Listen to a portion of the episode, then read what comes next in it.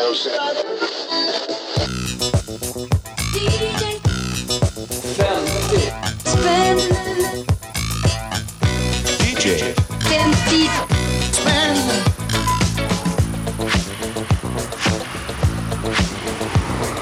Ja, det är helt sant. En ny säsong av loppismusikprogrammet DJ 50 spänn har rullat igång.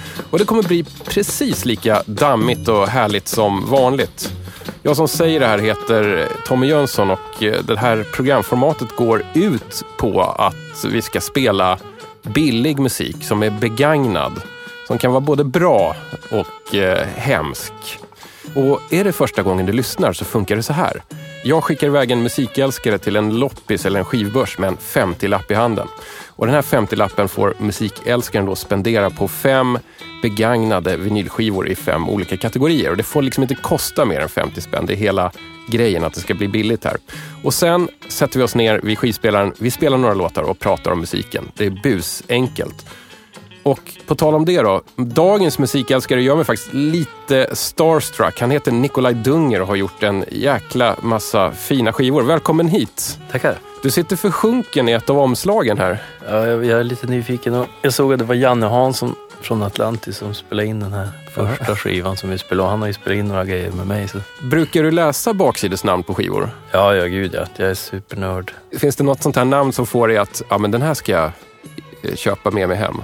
Du menar på när man ser... Ja men så här typiskt studiomusikernamn eller producentnamn eller något sånt där. Mm, jo, kanske det var några grejer. Men jag, jag hade inte kommit så långt när jag, när jag var yngre. Då var det mest att jag, ja du vet, man gillade en grupp och så.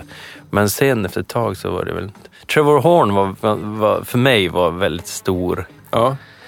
Eh, Jag gillar ju, alltså jag köpte nästan Frankie Goes to Hollywood bara för han. Du gillade liksom hur, hans vision för hur det ska låta. Ja, alltså jag gillar ju, jag gillar Yes då när jag var yngre och jag gillade den skivan, dramaskivan som ingen Yes-fan gillar för den, det är ju bara han liksom. Han har ju Ja. tagit över hela Ja, Yes-konceptet. Det är som att Det- han kapade Ja. alltså symfonirockbandet Yes. Och så bara tog över. Det är fruktansvärt. Men eh, sen när han gjorde den då, då gjorde han ju samma sak med Frankie Goes to Hollywood.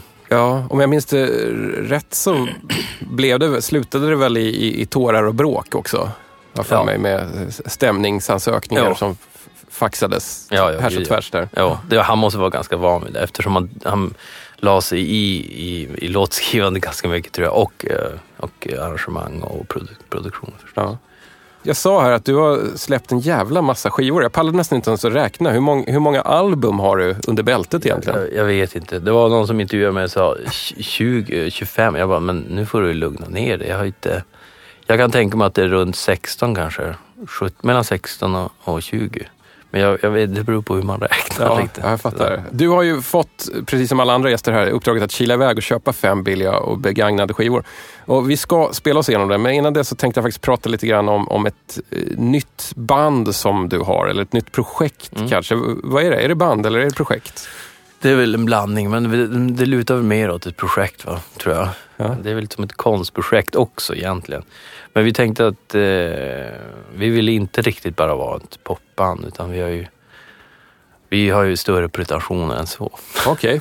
Du, ska vi lyssna lite på det? Det, det. heter Three Cutting Principles. Yes. Eh, och det är du, det är någon som heter Manne von Ahn Öberg va? Och Jonas Nyström. Och det låter så här. Well, is His.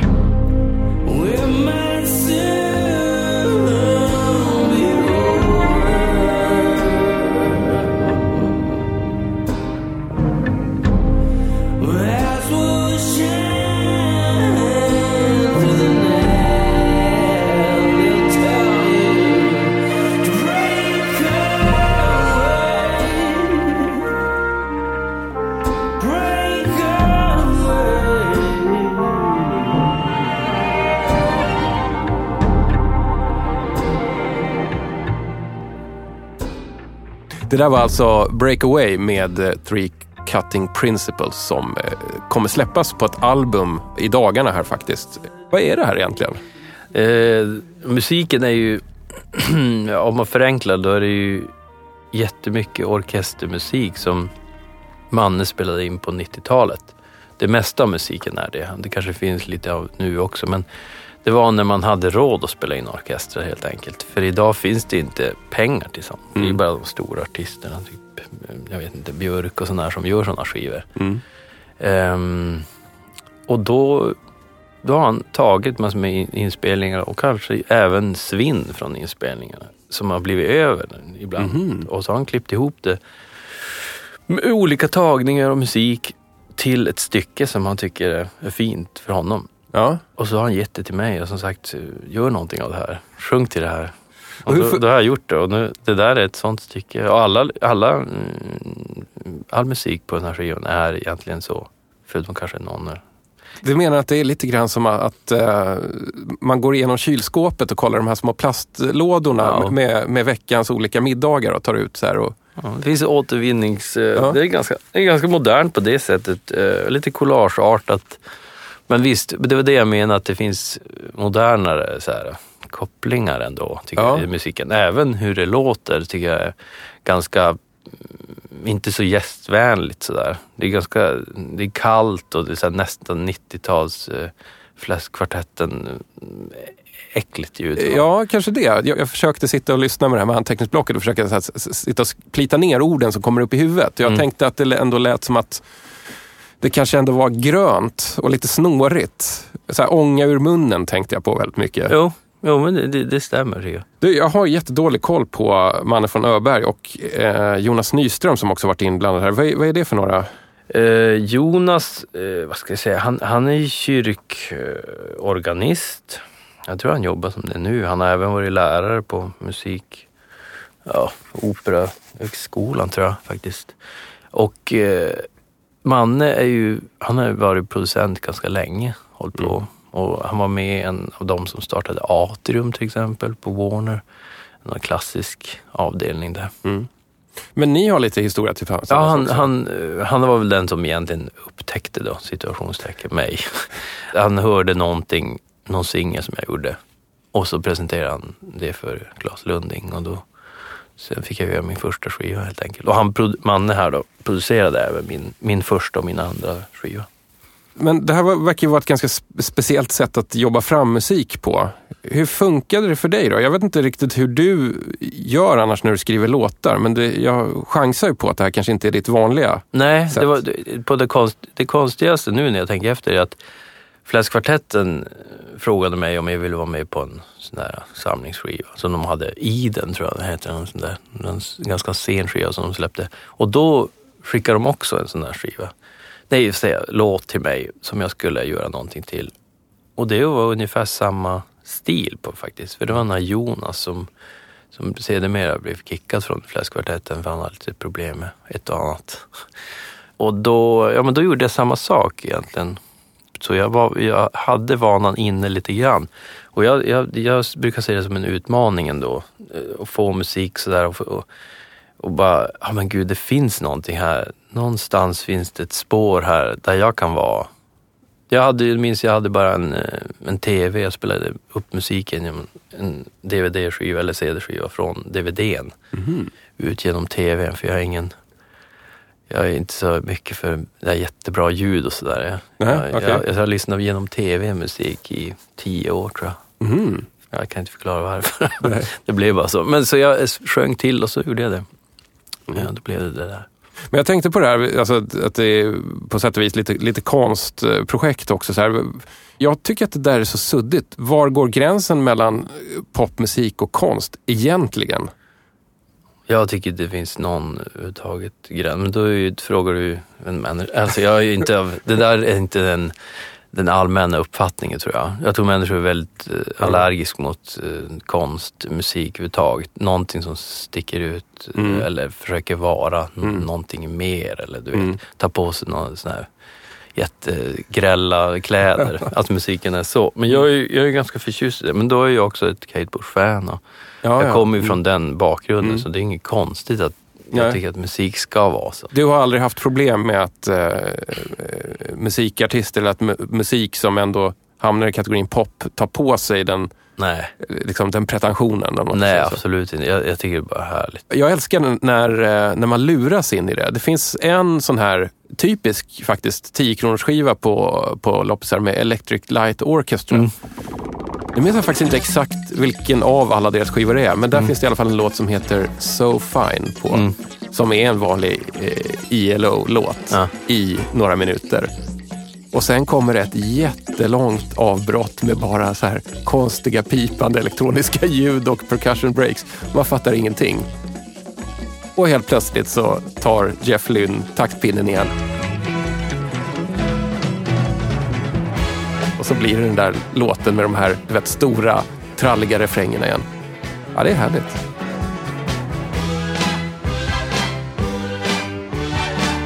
Ja, jag håller med. Alltså, jag, jag, det där tycker jag är artisters roll. Liksom. Mm. Att, att öppna ögonen inför andra saker. För, för att man, man har så...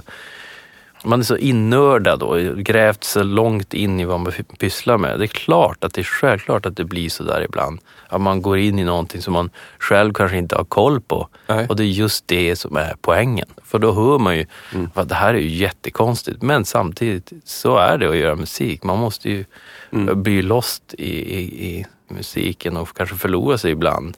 Och kanske inte ha kontroll. Och han är ett bra exempel på på, alltså han är ju, han är ju superpedant och säkert han är som producent och sådär, men han har gjort konstiga saker alltså.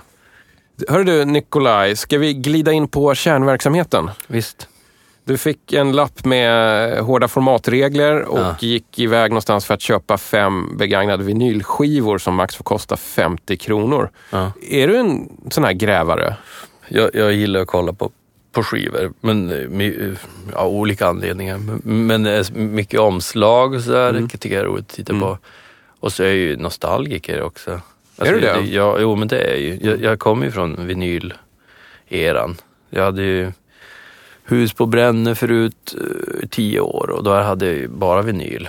Det tycker jag är ganska härligt. Man, man, du vet, man festar och har härligt liksom. Och man, så sätter man sig med vinyl och sen spelar- lägger man upp den. Och Mm. Man går och lägger sig, man byter B-sida, går upp och byter B-sida. Härligt. Dagens första skivkategori. Skivbörsklassikern. Behöver vi förvarna eventuella lättkränkta lyssnare, höll jag på att säga. Ja, den är ju lite magstark. Han, han är kanske inte den hippaste, hippaste artisten sådär, efteråt. Sådär. Men Vi ger den en chans, tycker ja, jag. tycker jag. När morgonen gryr Då lättar mitt sinne Nattskuggor flyr över vår sommaräng I gryningens ljus glittrar pärlem och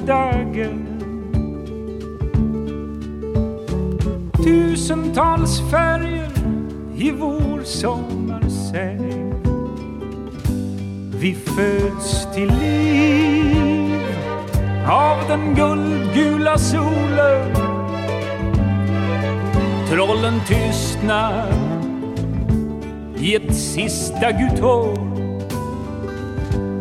och forsarnas brus är som luftlätta vindar en symfoni. Jag skrev den igår. La, la, la.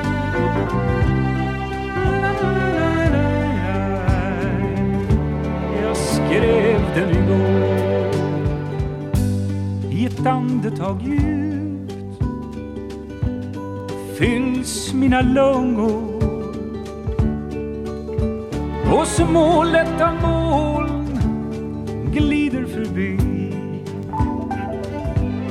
och havsbrisen leker sommarängen i vågor. Bildar mönster ett naturens broderi min fantasi blir liksom en källa av en porlande vild tankelek så tonar allt bort. Ett par korta sekunder. Du väcker mig med en hand fylld av smek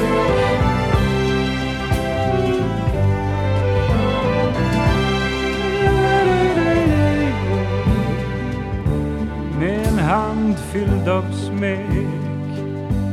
Jag känner mig lugn på min äng under valvet.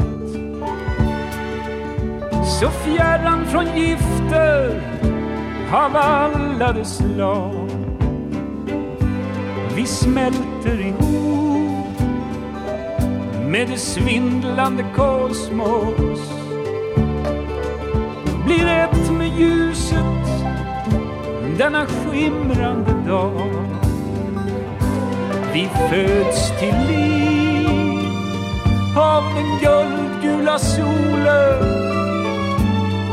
Trollen tystnar i ett sista gutår och forsarnas brus är som luftlätta vindar en symfoni. Jag skrev den igår.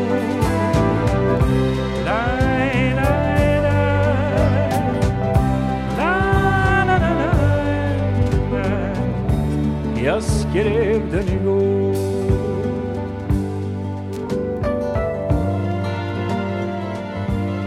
Mm, Nikolaj, vad, du får presentera. Vad, vad var det vi hörde här? Eh, det här var norr, När morgonen gryr av eh, eh, Gösta Linderholm. Från då eh, albumet Jordsmak. Mm. Som, det är ju inte helt ovanligt om man eh, rotar på Nej, den är nog bland vinyler på Ja. svenska loppisar och skivbörsar. Nej, det, jag tror att den är supervanlig. Det, det var ju för att det var i allmän, i allas hem liksom egentligen. Så den fanns ju så mycket av den.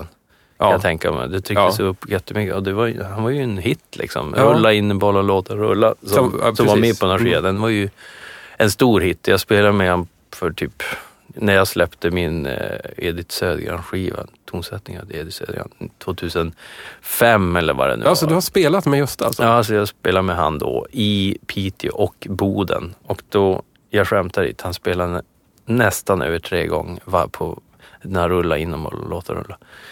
På, på, på varje spelning. Och, och det blir så ja, rulla inom och menar. Och man bara, ja, då kommer Det är, det är en sån där riktig klämma i-låt. Ja, men jag tror att det var, det är så mycket den här, det var liksom, det var någon slags övergripande stämning också. Att man, men det var fest då liksom. På 70-talet och då, den låten var, mm, den blev signifikativ för det. Men de, på den låten försöker han ju göra någonting som kanske man skulle kunna beskriva som någon slags svensk Saidiko-sväng. Gösta Linderholm-style. Jo, Den här eh, När morgonen gryr, det är ju någonting helt annat. ja den där, ja. Vad, vad, vad händer med dig när du hör den här låten? Den är ju in, in, introspektiv liksom. F- Och det gjorde nog väldigt mycket i, i mig. Jag kände att det, det var någon, någonting med, ö, speciellt övergången till någon slags mollackord där, där stråkarna kommer in. Där kände jag att det kan, man, man kan säga nästan att det var öppningen till mitt intresse där. Det väckte någonting i mig. Mm. För det, det, blir som ett djup i musiken. Från att det har varit...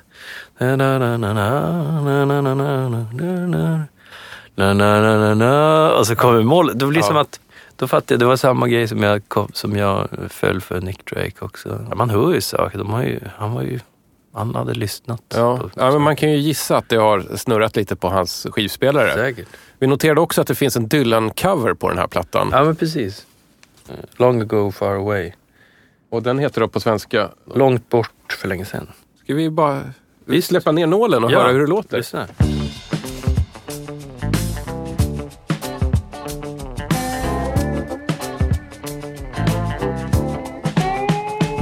Att predika om fred och broderskap, om att människan ska sluta att slåss. Det gjorde en man för länge sen och vi hängde honom på ett kors så långt bort. För länge sen. Sånt händer inte nu, nej aldrig mer igen. Statan var plogen slet som ett djur. Godsherren slapp problem. Men det var på herr Brantings tid och det var länge sen, så långt bort. För länge sen. Sånt händer inte nu, nej aldrig mer igen. Ja, vad ska man säga om Gösta Linderholms eh, Dylan-tolkning? Ah, jag vet inte, det är väl inte så mycket att hänga i julgran tycker jag. Men det intressanta här är ju att jag tror att det här är Planet Waves eh, låt faktiskt. Mhm. Med The, Mm. the Band-killarna, Ja. Robertson och Garth Hudson spelar. spelar. Och eh, oj, det svängde jättemycket. Men här är det så här eh, typiskt 70-tal. De, de är lite för bra för sitt eget bästa. Alltså fusionmusiker som man, det blir för mycket, titta för mycket i Ja, och lyssna på sig själv och Ja. inte ta in hel, helheten. Ja. tycker jag. men eh, ja, man fick ju ändå en, en, en, en liten bild av att Ja. det fanns flera dimensioner på den här Ja, visst. eh, Gösta Lindholm-skivan i alla fall. Eh, den, den, har, den här skivan har dykt upp i ett tidigare avsnitt av DJ 50 spänn och redan då så häpnades vi över att eh, Gösta har ju en rätt cool stil på omslaget här. Ja, man hör. Man Han har, det, är, det är slokhatt, stora glasögon, lång rock, näbbstövlar. Ja, han hade inte behövt skämmas för sig idag på, låt säga, Nytorget i Stockholm eller... Nej, han hade swag alltså. alltså. Jag tror till och med att det är en... Det ser ut som att det är en, en eh, fjäder där i hatten. Ja, men Ja, men det, gör mig inte förvånad. Det är Dr. John style liksom. Det var eh, bra öppningsskiva. Har, har vi Mm. någonting mer att säga om det förresten? Nej, det, här, alltså, vi, jag tänkte det är ju bra att vi... Det är lite kronologiskt i min värld då. Mhm. Vad, vad, Mm. Att det här var det första. Den här fanns i hemmet. Ja, precis. Och den här var mm, min familj som prackade på mig den här. Hade ni mycket eh, musik hemma? Var ni en sån familj? Nej, det var inte så särskilt. Men, men alla de här klassikerna. Broken English, Leonard Cohen, samlingsskivan där, du vet. Och, men alla de här, Mm. Cornelis, de fanns ju, och Frank Sinatra. Och det, det sätter ändå sina spår. Det där är, så, det är så otroligt bra musik egentligen om man bara letar sig fram till de bra grejerna. Vi rullar på till nästa kategori tycker jag. Mm. Nostalgiköpet. Alltså den här låten, den var det mest spännande och eh, fortfarande en av de mest spännande låtar som jag vet att lyssna på. Men jag var väl ganska rädd faktiskt. Mina föräldrar och gick ofta på sådana kommunfester. Vad är det? Och då, jag vet inte, kom, kommunen bjöd på fester Ja, okej. när man var anställd. Och då fick eh, vi vara själva och då tog våran bror hand om oss. Han brukar spela den här låten och sen jaga oss i trappor och så. Jag var superrädd. Alltså, jag var jätteung hörde- när jag hörde det här.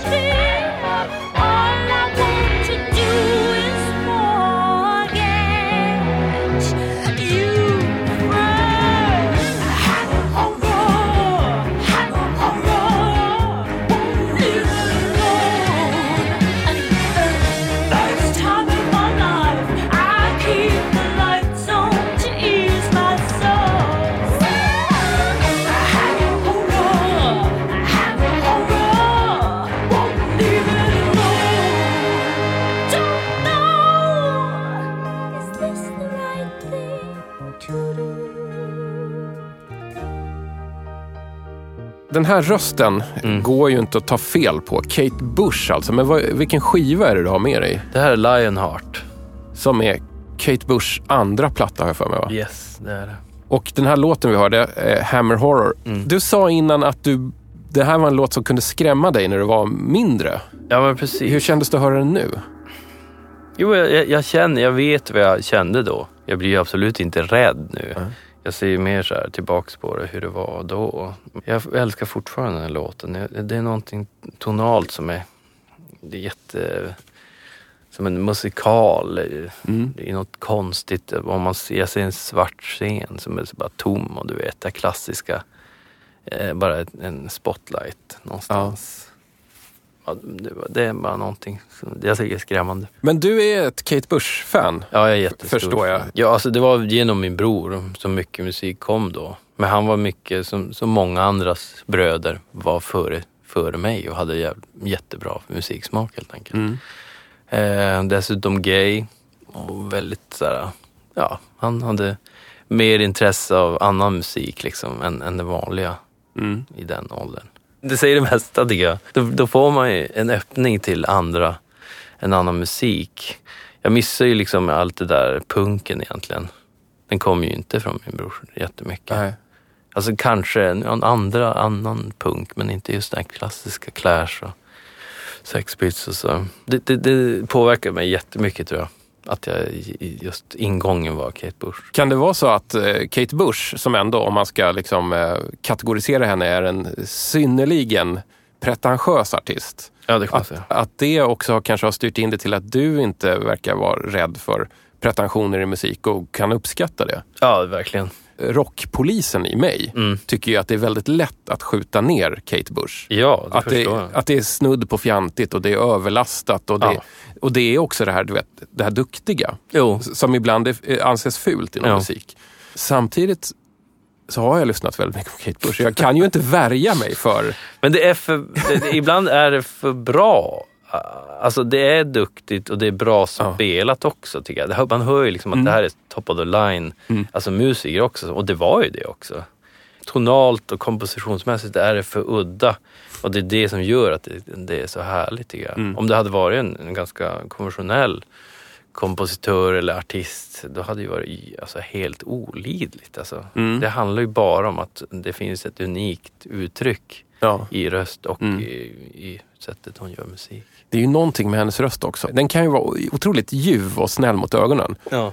Men ibland är, är den ju direkt skräckinjagande. Jag, jag tänker ju på, på häxkonst ibland när jag Ja. lyssnar på vissa Kate Bush-låtar. ja, verkligen. Hon, hon är ju väldigt medveten om det också på Dreaming till exempel. Om Get out of this house. Det är liksom out of this world. Alltså man får det och, och att det känns. Man kan ju ha en, en, en teoretisk bild eller en, en, en idé i sitt huvud att man vill uttrycka någonting på en skiva eller i musik. Mm. Och så gör man det. Man kanske komponerar den men sen går man in i studion. Sen ska man kunna göra det där också. Och det är liksom, det är super, super, super svårt. Har du hängt med i den, liksom, de senare årens Kate Bush? Jag har hängt med i alla. Det Ja. kommer ju inte så ofta nu för Mm, tiden, men nej. det kom ju för kanske tio år sedan så var det väl någon form av comeback och sen så... Ja, sju år sedan, eller när var det den kom den där? Ehm, ja, det var ju Sade och hon som kom med en, en comeback och båda de var ju klassiker egentligen. Mm. Lovers Rock med Sade var ju också de går ju faktiskt att jämföra på något sätt bara för att de är så stora artister. Och det också ganska så här, Ja. går att skjuta ner liksom. Att de är nästan så här allmän Ja. på något sätt. Jag tycker ändå att hon också fick någon slags, något slags erkännande. Ja, på den skivan fick liksom. de verkligen det. Men med, med, Kate Bush då, efter Dreaming då, det var så stor skiva för mig. Det var, det var liksom hennes konstnärliga mästerverk då. Mm. Tycker jag. Och många med mig som är Kate Bush-fan förstås. Och eh, Hounds of Love, de, de var så stora skivor. Så sen är det så svårt att följa upp, vilket det syntes ju liksom att det Ja. var svårt för henne. Och det är ju en vanlig grej med alla artister. Mm. Man, eller författare eller konstnär. Det sista man har gjort Mm. ska man ju som tackla på något sätt. Precis. Det gäller att inte klämma ur sig för bra grejer i början av karriären. Jo, men eh, oftast fallet är ju det med, med grupper. Det är ju det, i början allting. För då är man närmast det, Mm. det här eh, kärnan av vad man är. Jag har ganska nyligen eh, haft ett sånt här litet vansinnesprojekt för mig tillsammans med två vänner. Vi, eh, vi gick ihop i någon slags pakt eh, om att vi skulle lyssna igenom Ulf Lundells samlade produktion som nu har kommit på en man, jättebox, 68 CD-skivor och inte lyssna på någon annan musik under tiden. Och det här tog tre månader. Men där tyckte jag var rätt intressant att konsensus är att han var liksom bäst i början. Mm. Men vi alla tre tror jag tyckte nästan tvärtom. Att det blev bättre när han var över 60. Ja, cool. Vad härligt. Vad, vad roligt för honom. Jag Eh, hoppas han hör det. Och, och här kan jag ju säga att ingen av oss var Ulf Lundell-fans när vi gick in i det här. Nej. Men det intressanta är att eftersom vi då klämde hela hans låtkatalog på väldigt kort tid så ser vi väldigt annorlunda på hans output än vad liksom riktiga fans som Ja, har följt. Mm. honom under lång tid tycker. Så där, det, det var rätt intressant. Men en, en märklig följd av det här, att ha liksom bara lyssnat på en artist under, och bara verkligen en artist under tre månader, är att all annan musik just nu, det är som att uppnå nirvana varje gång du går på en ny låt. jag har liksom saknat det så mycket, så det här var, det här var, ju, liksom, det här var ju som att någon stod och liksom fläktade mig med palmblad och smekte mig och liksom, ja, jag vet Ja, inte hur jag ska beskriva. verkligen. Alltså, just eh, tonalt är han ju lite i- enahanda tycker jag. Ulf Lundell, ja. eh, Jag är inte så mycket för det. Så här. Nej. Men ja, det finns en koppling där också i och för sig, men den behöver vi ta nu. Men, han, Ja, jag, jag är lite less på att prata om Ulf ja, Lundell, då, så vi då, kan passa då det. skippar vi det. Ja, det var en liten parentes, men eh, det blir lätt så när man spelar musik. Hör du, jag ser att det finns en eh, tredje skiva som ligger och väntar här. Mm. Vad menar du med det här omslaget? Han var ju en looker liksom. Så Ja. enkelt var det ju. Men han var ju ganska barbröstad på sin första skiva också. Det är Så sant. Utriktad så här, Mm. wow. Men här går han ju hela vägen. When two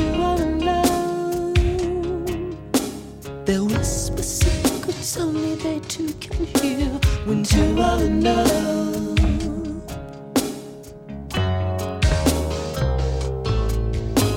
in love, their stomachs will pound every time the other comes near. When two are in love.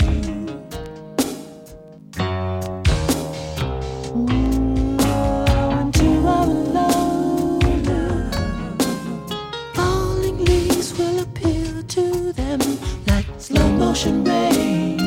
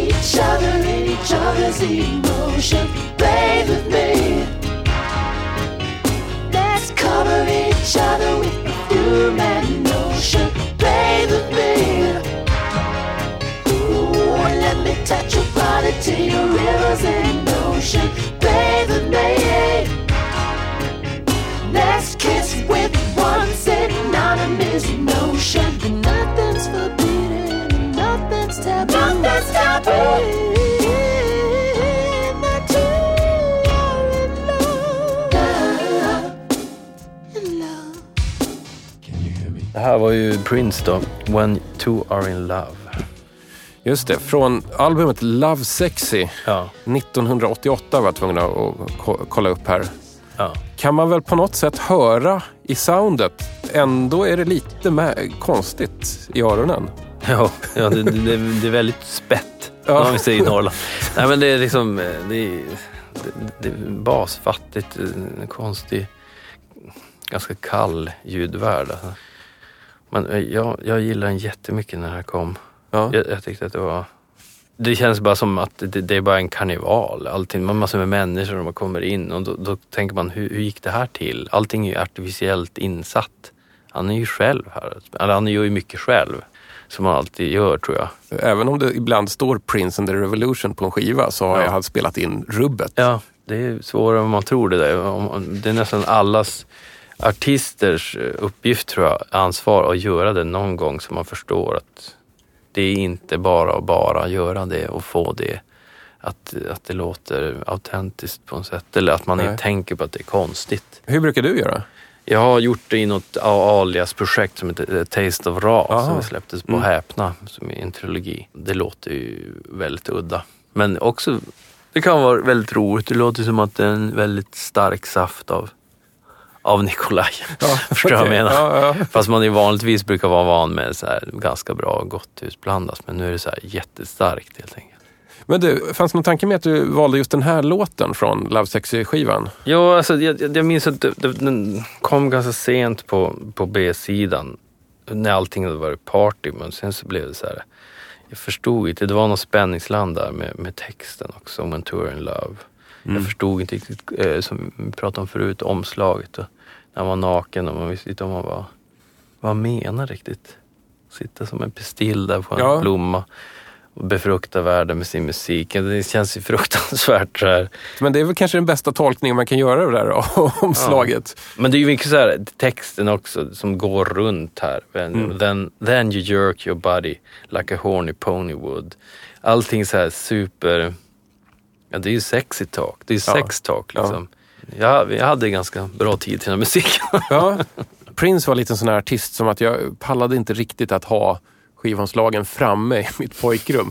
Till exempel det här, Ja. Love Sexy. För att det, det, det, det blir så mycket jobbiga frågor på det. jo. Det var den skivan och sen var det nog någon av DAF, alltså Deutsche Amerikanische Freundschaft, när de är liksom naken överkropp och så svettiga på omslaget. Så det, var, det känns det blir mycket frågor här så att jag, jag gömmer dem längst bak. Jag hade aldrig någon sån... Jag vet inte. Jag, jag vet inte. Jag tänkte inte så långt tror jag. Jag var för naiv där. Men du, jag är lite eh, sugen på att eh, brassa på med din uh, chansning nu. Chansningen. Det här känns lite, liksom, lite heavy när jag kollar på omslaget här. Det, det där är superheavy alltså. Jag köpte den, jag visste inte riktigt vad det var. Men sen har det blivit en, en av mina favoritskivor.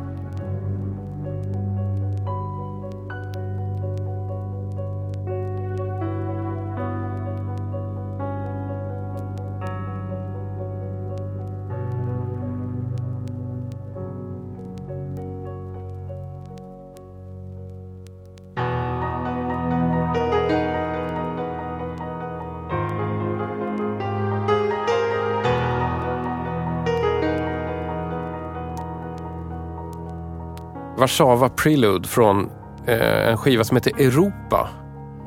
Björn Jison Lind och Staffan Scheja tillsammans. Från 1984. Varför chansade du på den här? När jag flyttade till Stockholm då hade, fick jag min första lägenhet. Då hade jag en liten Blaupunkt grammofon eller vinylspelare helt enkelt. Där med, med högtalare i. Det är som en liten träburk liksom. Ja. Och den satt jag och lyssnade på. Den här. Det, det, var, det var något mäktigt med den här musiken tycker jag då. Själv hade, skulle jag göra min andra skiva som en kvartettskiva. Som, ehm, ja, jag började spela piano helt enkelt. Eh, Och gjorde pianomusik. Och jag kan ju inte skriva noter utan jag, allting är ju liksom i muskelminnet. Jag måste liksom spela tills jag, så jag inte glömmer bort det. Så det ligger i musklerna. Liksom. Så det var, det var mycket det här och, och satir förstås. Så så här. Men musik som, det är något annat. Det är liksom något annat bakom hela tiden. Det är ju super, super uh, filmiskt tycker jag det här. Vad tänker du när du hör den här då? Jag, jag, jag tänker på, jag har själv varit i Warszawa, nästan man tänker på så här grådassighet och så här, det tunga liksom. Allting som är bara tungt i, i vardagen och ganska jobbigt men ändå så spännande i någon, någonting i Någonting som är jobbigt. Spännande i, i mörkret helt enkelt Ja, ja. kanske. Om man ska Ja. kunna säga det. Den här är från 84 och det är, det är till viss del tidlöst. Men sen, sen så när man läser på inneromslaget så står det ju att Björn Jison Lind spelar synt och då fruktade jag lite att det här skulle låta oerhört plastigt och daterat. Men det, det här gick ju ihop väldigt fint alltså. Ja, jag tycker också det gör det. Och, och, och den här pretentiösa anslaget som, som givetvis många säkert har svårt för, det där piano. Mm. Hur man slår an och det är storslaget. Så här. Men Mm. om man ser utanför det tycker jag är ganska härligt. Det där kan man ju också se även på, Omslaget. på det här omslaget. Att det, är- Ja. det, det är svartvitt och sepiatonat och de har Ja. mörka kläder och blickar ut någonstans, man inte riktigt vet vad, ut i dimman. Ja. Ja, själva titeln också, att döpa ett album till Europa, då känns det som att man liksom kliver ut en bit på grenen. på något sätt. Ja, verkligen. Man ska, Men det är som att de försöker fånga någonting här som det är hedersvärt tycker jag. Ja. Och, och bara försöka det. Han, det måste ju sägas att Staffan Scheje, han är ju liksom the looker förstås, tittar ju långt bort. Fast Björn Jison Lind, som säkert, jag vet inte om det är han som har skrivit all musik, det känns lite så men Jo, all, all, all music composed by Björn Jison Lind, han tittar rakt in i det gör han, ja, just det. Det har är väldigt stor skillnad, det, det är Mm. en tanke med det. Det är hans, hans gärna bild av här. Europa vi, vi Ja. hör här på något sätt. Ja, verkligen. Björn Jison Lind gick ju tyvärr bort här för bara något år sedan, Mm. vet jag. Jag hittar ganska ofta Björn Jison Lind-skivor. Ja men de Eh, finns också. Ja. Och brukar ofta eh, köpa på mig och det kanske inte är min musik från början. För då är det också det här 70-tals Björn Jison Lind som är Ja. någon slags, eh, jag vet inte, funkigt, flöjtdrivet, eh, Ja. ganska jammigt ibland. Mm. Men det finns någonting där som jag går igång på. Ja. Just den här har jag faktiskt aldrig riktigt köpt. Jag vet inte varför, men det kanske blir nästa, nästa gång den dyker upp. Jag vet inte varför jag fastnade just för den här. Jag har inte lyssnat så mycket på han faktiskt, Björn Jison Lind. Nej. Inte på Staffan Scheje heller, men det, han är ju mer en klassisk pianist liksom.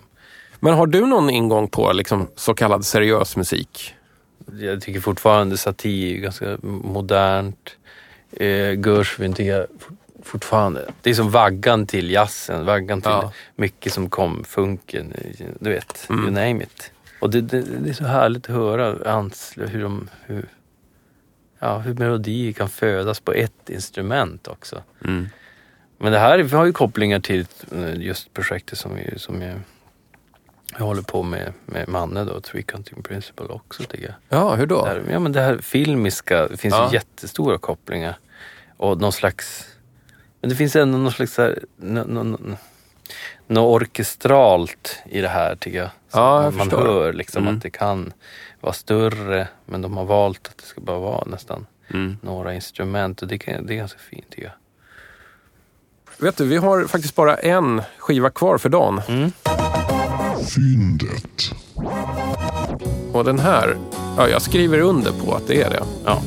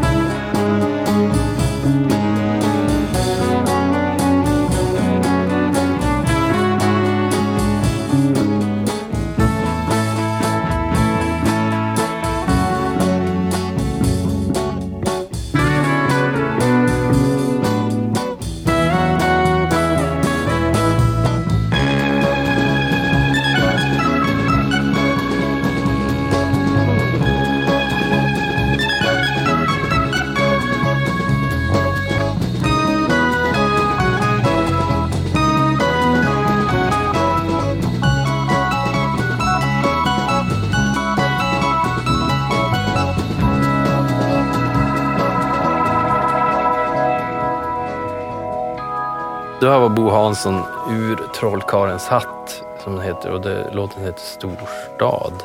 Ja. Den första låten den valde jag mest för att det var, det var liksom port, portalen till den här musiken helt enkelt. Som jag inte visste någonting om. Jag hade ingen aning om vem Bo Hansson var. Han var liksom en, en sportkommentator för mig. Ja, Sen när jag hörde, hörde det här och såg omslaget. Och jag visste ju inte att det var Tove Jansson som, har- som, som har skrivit den boken. Att den något just det. är Precis. baserat Mm. på det. Det är ju ett eh, väldigt fantasyflummigt omslag. En målning där det faktiskt sitter en trollkarl någonstans och det är drakar i luften och allt Ja. möjligt här. det. Det här har påverkat mig. Alltså, det går inte att säga hur mycket det har påverkat mig faktiskt. Det här är en bland de tre bästa svenska skivorna någonsin gjorts tycker jag. Ja, det, jag kan... Bättre än Sagan om ringen, äh, för mig. Ja. Eftersom det här var den man, du vet när man kommer över någonting som man inte vet vad det är, då känns det som att det, det är liksom en gåva till mig. Det som skiljer den här från, från Sagan om ringen är ju att den här kanske har liksom lite mer sväng inbyggt. Så Sagan om ringen har, har ju fantastiska atmosfärer. Mm. Här hör man ju kanske tydligare någon slags bakgrund i jazz. Ja, Och att det är väldigt frisläppt. Och sen är den ju... ja. här. Men, men på ett annat sätt jag Mm. Om ringen. Det, här är ju, och det är även så här fusion fast på ett intressant sätt. Mm. Liksom, helt, alltså, det är ju det man vill åt. Det, fusion är ju ganska intressant oftast i mycket musik. Men det är bara, gör det på ditt sätt så blir Mm. det ofta bra. Och det har han gjort här tycker jag. Det är en rätt intressant filur, Bo Hansson. Finns ju tyvärr inte med oss här för han gick bort för några år sedan. Jag har alltid fastnat för berättelsen då hur han kom in då i att börja spela orgel. För han Ja. spelade väl gitarr innan tror jag va? Ja, det kanske han gjorde. Men helt plötsligt så var det, blev det ju totalfokus på orgeln och lärde sig väldigt snabbt att spela den på sitt eget sätt. Mm. Och hör man då Hansson och Karlsson, det är ju en, annan typ av organist. Jo, Det är, det visst, det är väl jazz någonstans där också, men, men hel, den här, vad ska jag säga, det progressiva draget, det här liksom lite psykade grejen har ju alltid funnits där i hans orgel. ja, det är ju psykedelia Ja. jag. Här så har han ju, det är ju musiker som han har jobbat med eh, både tidigare och efter, till exempel Kenny Håkansson och Mm. eh, Bill Örström och sådär. Så de verkligen, eh, ja de broderar verkligen ut det här på bästa sätt. Bobo Sten som står här också. Då förstår man, det är lite jazz här. Det går att prata hur, hur länge som helst om det här tycker jag, för Ja. mig. För jag tycker det känns som... Varför En funkar det era. så bra på dig då? Jag tror att det, det är liksom den här tiden, det var då jag växte upp. Det här är väl 70-tal, liksom tidigt 70-tal. Jag kan inte tänka mig något annat. För det här är en reaktion på den här tidiga 60-talet och allting var så här. Men det, man, man känner liksom att det... Folk började 70-tal, hur det var. Det var lite bohemiskt på den... Mm. eh, och det kanske började in, komma lite så här bad vibes. Men har, har du träffat Bo Hansson själv någon gång? Jo, jag träffade honom på lite barer då och då. Mm. Och då var han ju, ja det var ju bara en spillra av honom förstås som var kvar. Han har ju supit bort all sin, alla rättigheter Ja, till sin klart. musik Ja. såklart. För han behövde ju, han behövde dricka var ju viktigare. Jag kan minnas att jag såg honom någon gång sista åren i livet. Då stod jag in och rotade skivor på Mickes skivbörs här på Mm. Södermalm i Stockholm. Och eh, jag hör bakom ryggen att det är någon som frågar så här, Micke, vill du köpa lite skivor? Och Mickes skivbörs, Micke då, ägaren till skivbörsen, blir svart i blicken och säger bara ut! Och sen säger han, eh, ja tyvärr, Bo Hansson som försökte sälja sina skivor. Så det, det kändes lite, lite trasigt där. Men Ja. jag lekte ju med tanken på att springa efter och bara ändå tacka för Ja, fantastisk musik. ja det, det ska, man, den ska man nästan göra. Så. Det borde jag ha gjort för att sen kommer ju den chansen aldrig igen. Nej, Men vet du, just den här skivan, eh, ur Trollkarlens hatt. Jag tar ibland fram den utan att ens lyssna på den, bara för att titta på baksidan av omslaget. Det är ett Mm. foto där eh, Bo Hansson själv då sitter vid sin stora orgel mm, i en ganska vildvuxen trädgård och Mm. solljuset silar ner genom löven på Mm. honom och ger nästan som en liten gloria mm, runt honom. Att det är som att det- skiner lite om honom. Mm. Det är en sån motljusbild, vilket också känns väldigt 70-tal. Men. Jag vill gärna tänka på att om det finns ett liv efter det här mm. så är det ungefär så där för Bo Hansson just nu. Att han kan sitta med sin orgel i en vildvuxen trädgård och Jo. flowa loss med musiken. Det här känns som att det var det, det, bästa. Det här var den bästa situationen för han. Det, är ju ganska, det ser ju ganska härligt ut tycker jag. Det är ju en gestaltning av musiken också på något sätt. Det är alltid intressant. Det är ju alltid någonting magiskt med att koppla upp sig på en, annan tid. Ja. Det, man glömmer ju ofta bort det. Det med skivor är ju liksom, det är ju en tidsmaskin hela tiden. Det är det som är det magiska på något sätt. Så kommer det vara med våra skivor också, som vi gör idag. Liksom. Om du ska koppla upp det till en annan tid med en skiva, vad brukar det, brukar det finnas någon period som återkommer oftare än andra? Jag är ju väldigt stor Talk Talk-fan då. 80-tal också. Mm. Så Spirit of Eden och Laughing Stock, de här orkesterskivorna, eller de här progressiva skivorna som de gjorde. Tycker jag, de är ju Ja. står högt i Du, kurs. du gillar när de faktiskt krånglade till det lite för sig? Ja, oj, oj, oj. Jag, jag älskar det. Det var då jag upptäckte, det var min öppning också till, verkligen, till min musik. Ja. Till, till att jag vart intresserad av, av musik och hur det kunde låta. Där kan jag verkligen nörda in mig hur mycket som helst. Jag kan lyssna på hur många intervjuer som helst med Mark Hollis som är sångare då, om hur det gick till. Och det här engelska språket som är så otroligt detaljrikt och, så här, och älskar vad varje stavelse att lyssna på. För det, det, har någon, det är någonting speciellt med engelskan tycker jag. Du har ju gjort lite grejer själv på svenska, Mm. men det stora, det mesta är ju på engelska. Mm. Kommer du vara engelskan trogen eller kommer du vara en sån här som gradvis fasar över till svenskan? Nej, alltså jag, jag gör då och då svenska grejer. Men jag gör ett projekt nu med salmer som jag har tonsatt. Som Mm. är klassiska salmer som jag vill liksom presentera för en ny publik kanske. Som är på svenska förstås. Och där, det är ju det. Det är super, super fläskigt, tungt språk liksom. Och ganska intressant jag. Jag, jag har alltid gillat det. Alltså ta, i min egen svenska utgivning har jag, jag har ju bara gjort en skiva som jag gjort själv. Rösten här. Men då är det jätte, så här, Ja. ganska stora ord liksom. Blandat med det här vardagliga. Och det gör jag även när jag pratar. Så det är ganska som jag är. Mm. Men det tycker jag är kul att man har i musiken också. Och med psalmer då är det ju obenhörligt så. Nu har vi faktiskt spelat igenom hela din eh, skivbukett här Mm. och eh, programtiden börjar närma sig det bittra slutet. Mm. Det var härligt att ha dig här Nikolaj. Ja men vad kul. och, och nu har du fått bjuda på fem skivor och jag ska snart tacka dig med en helt annan slags musik. Det brukar vara mitt sätt att liksom betala tillbaks lite grann. Mm. Men innan det ska jag bara klämma in lite sådana här eh, eftertextgrejer. Och då ska jag säga att det här- programmet görs av eh, mitt produktionsbolag som heter Rundfunk Media. Och om det är så här nu att du lyssnar på det här och du gillar det här så pass mycket att du känner att du vill supporta. Då kan du göra det genom att köpa en liten tygkasse från mig. Och då är det en så här liten logga för DJ 50 spänn. Det går att pressa ner 25 skivor i den om man liksom verkligen försöker. Och de här pengarna eh, tänker inte jag liksom gå och öla upp sen utan det kommer gå till STIM-licens, lite teknik och kanske, kanske, kanske en framtida resebudget så jag kan någon gång lämna Stockholm. Och tygkassen eh, kan man alltså köpa genom att swisha 120 kronor till 0735 669762 och skriv din postadress i textfältet. Missade du numret, gå bara till min webbsajt dj50spann.se så står allting där. Det var du vet, den här infogrejen som man försöker peta in och det blir aldrig riktigt rätt ställe. Men någonstans ska det in. Ja det är rätt. nu Nikolaj så är det dags för outrot. Mm. En del är ju vänner av, av eh, den västtyska orkesterledaren James Last. Andra springer ju åt andra hållet när han kommer på tal. Nikolaj, tack för att du kom i alla fall. Ja, tack själv. här har du James Last i någon slags mjukare version som du får ta som ditt outro här. Härligt.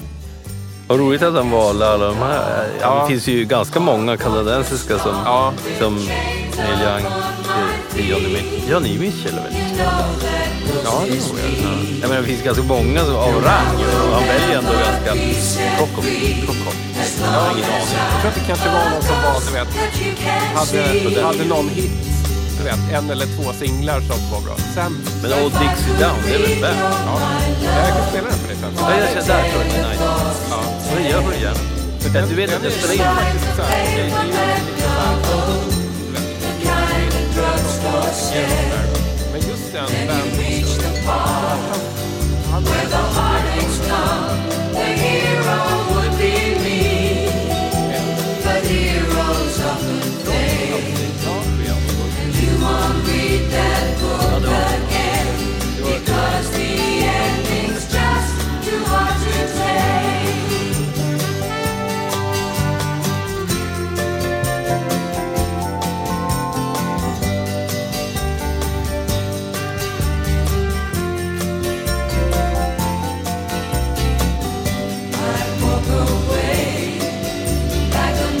star who gets burned in a